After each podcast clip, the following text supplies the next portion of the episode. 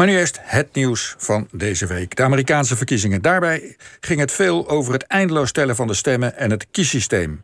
Waarom verlopen de verkiezingen daar via een voor ons bijna onbegrijpelijk ingewikkeld systeem, waarin de meeste stemmen helemaal niet per se de winst hoeven op te leveren? Het Electoral College, oftewel het kiescollege. Ja, in dat systeem kiezen kiezers niet rechtstreeks, maar via per staat afgevaardigde kiesmannen hun president. En vreemd genoeg maakt dat systeem het dus mogelijk dat een kandidaat met een minderheid van stemmen toch de meeste kiesmannen verzamelt en zo het presidentschap wint.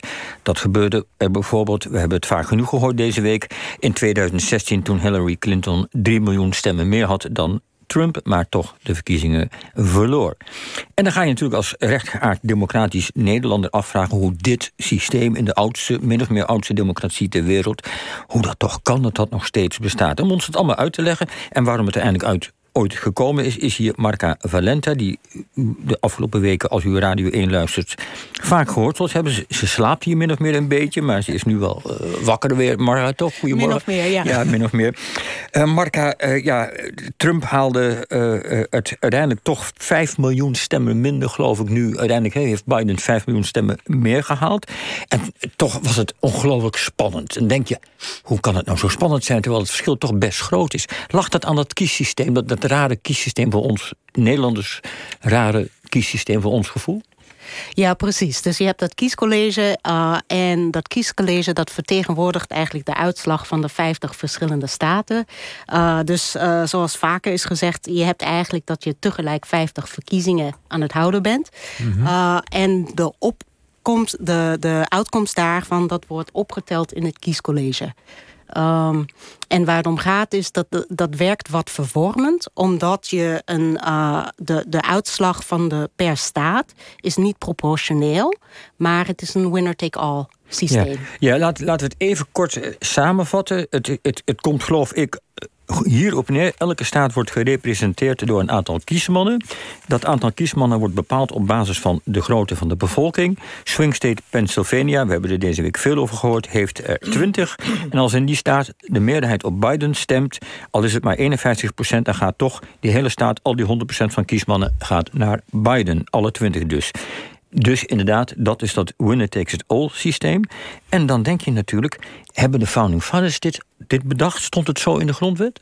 Een gedeelte daarvan wel, een gedeelte niet. Dus de gedeelte die ze niet hebben bedacht was dat winner takes all. Wat ze wel hebben bedacht is het kiescollege.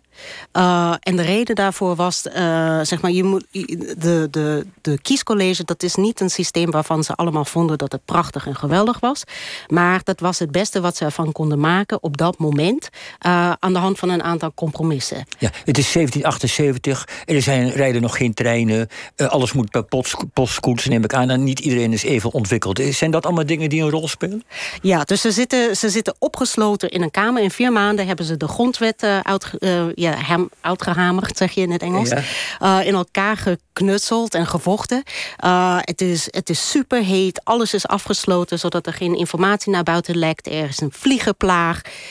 en de, de Engelsen en de Fransen en Spanjaarden zitten op de loer... voor als het niet gelukt.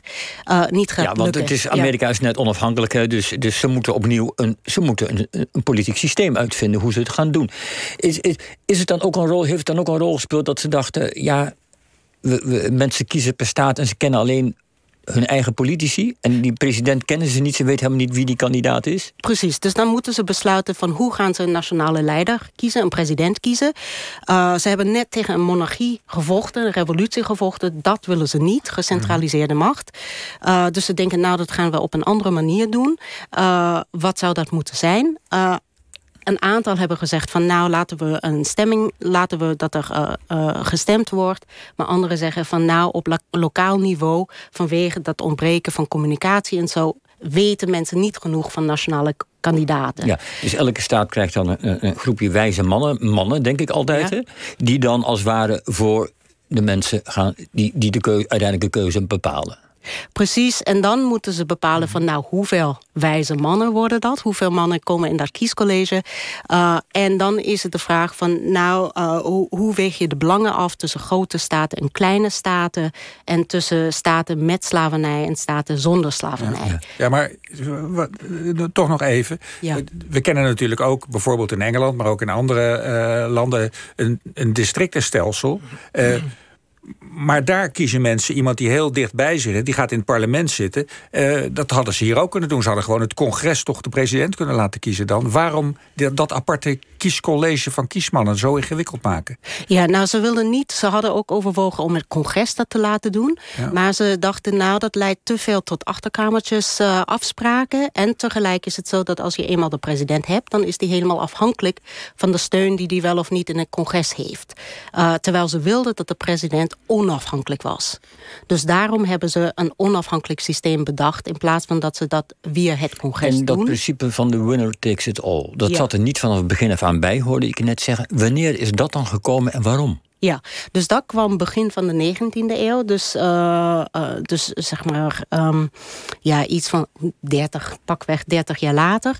Uh, en wat er waren twee dingen die gebeurden. Eén was dat je partijformatie begon te krijgen. Dus in eerste instantie waren er geen politieke partijen... en de grondleggers van de grondwet die waren helemaal tegen politieke partijen. Uh, en toen kwam dat desondanks. En wat dat betekende is, daardoor kreeg je eigenlijk verschillende kampen. Uh, en de, uh, het effect was dat je... Um, staten wilden heel graag dat ze hun stemmen gingen bundelen eigenlijk. En je had één of twee staten die bedachten van als je een winner-take-all systeem hebt, dan betekent het dat de winnaar van de, de verkiezing in de staat dan alle stemmen van de kiesmannen van die staat krijgt. En daardoor heb je een veel grotere invloed in de kiescollege als geheel. Uh, en dus een aantal andere staten die zagen dat met leden ogen, hè, want die hadden nog een proportioneel systeem. Dus je hebt een heel kiescollege. Ja, dus ja, er komt een moment dat ze zeggen: we vinden het uh, e beter en eerlijker om te zeggen: uh, een kiescollege, uh, als daar één iemand de meerderheid haalt, dan bepaalt, wordt zijn stem bepalend. Of dat, dat is wat er gebeurt. Nou, nee, het ging niet om, om wat eerlijk is. Het ging om wat is de verhouding van de uitkomst tussen de verschillende staten. Het ging om dus... de invloed van de staat. Precies. Dus het ging bijvoorbeeld om de invloed van Texas. Die denken, als wij, als al onze kiesmannen achter één iemand staan... dan wordt de invloed van ons als Texanen groter dan als uh, er bijvoorbeeld uh, zeven voor de een en dertien voor de ander zijn. Precies, precies. Dus ja. de staten die dat proportioneel verdeelden... die zagen dat hun invloed eigenlijk veel minder was... dan de staten die alle stemmen Juist. aan de ene winnaar gaven.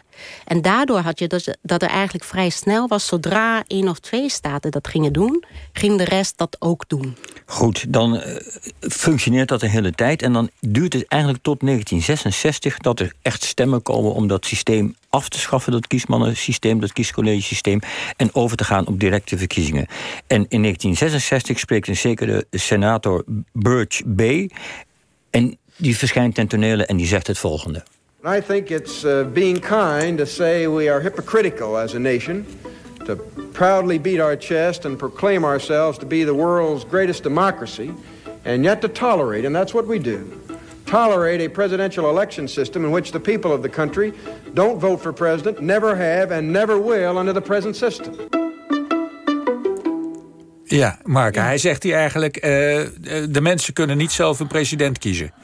Dat klopt eigenlijk, hè? want je kan dus inderdaad met uh, 3 miljoen stemmen meer toch geen president worden. Uh, maar hij vindt het ondemocratisch. Waarom precies? Wat is, nou, wat is een argument? Dit. Ja.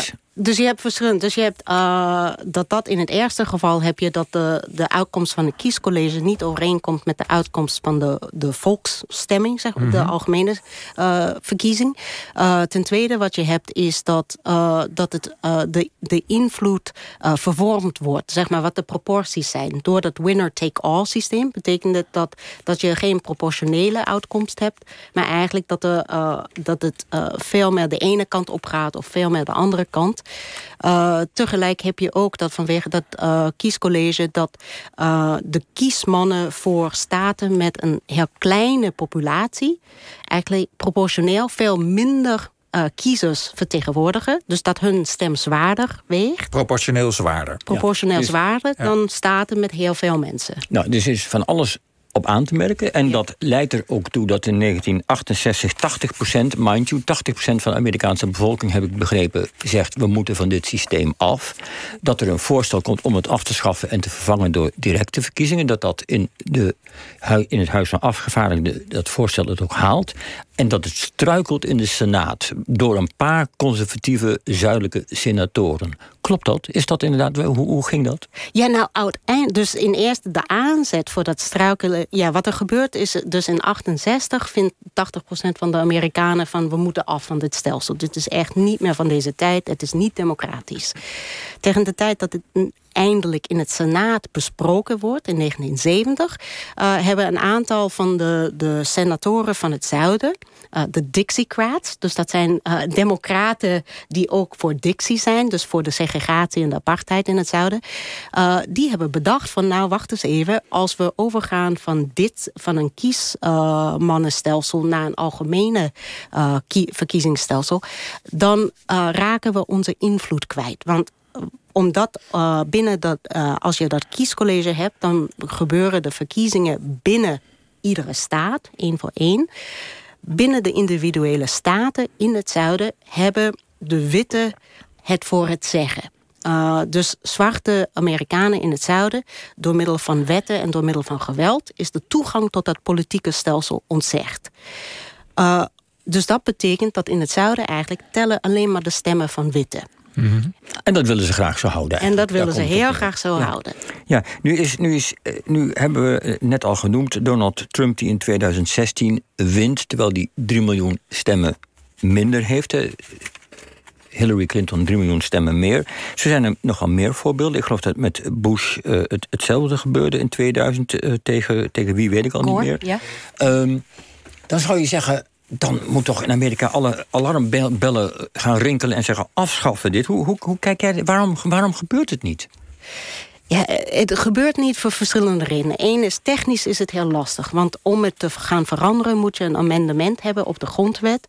Uh, en dat is gewoon uh, met opzet, is dat een heel lastig proces. Uh, dus twee derde van het congres moet het daarmee eens zijn. Drie kwart van de staten moet het één voor één goedkeuren. En dat kost heel veel tijd en er zijn heel veel obstakels. het tweede is dat de staten die een voordeel daaraan hebben, die gaan absoluut niet tekenen. Uh, dus het moet worden go goedgekeurd eigenlijk door staten, inclusief bijvoorbeeld die kleine staten die hun voordeel eruit halen, die moeten het eens daarmee zijn. Ja, het, het is natuurlijk van de gekken voor ons gevoel. Hè. Je hebt een land wat de sheriff kiest, uh, wat een gouverneur direct kiest, maar niet de president. Uh, is nou het eerste wat Joe Biden moet gaan doen, die, zoals we nu allemaal weten, de verkiezingen heeft gewonnen, uh, dit systeem gaan aanpakken? Is dat zeg maar het herstel van de democratie? Moet daar beginnen? Moet die daar beginnen? Ja, ik ben daar heel ambivalent over. Kijk, want hier in Nederland kiezen we onze premier ook niet. Hè? Dus je hebt heel veel landen die democratisch zijn... zonder dat er een direct gekozen leider... en in Amerika heb je eigenlijk dat er veel meer mogelijkheden zijn... om invloed te hebben op wie de leider is, de, de politieke leider... dan wat je bijvoorbeeld uh, op een bepaalde manier hier in Nederland hebt. Um, en iedereen weet wat de regels van het spel zijn... En op het moment dat ze in het voordeel van de ene partij is, weet je, dan gaat die partij dat steunen. En als het in het voordeel van de andere is. En het, het laat, zeg maar, het is een systeem wat een stem geeft aan de kleine staten. En dat ja. is heel wezenlijk. Die moeten meegenomen worden. Ja, ja, dus, en daar zijn we voorlopig nog niet vanaf, waarschijnlijk. Blijft voor, ons, blijft voor ons Nederlanders redelijk onbegrijpelijk. Ik zou erop komen dat je zegt, je moet ervoor zorgen dat uh, de, de Flevopolder ook invloed heeft. Goed, uh, dankjewel. Vind je van niet?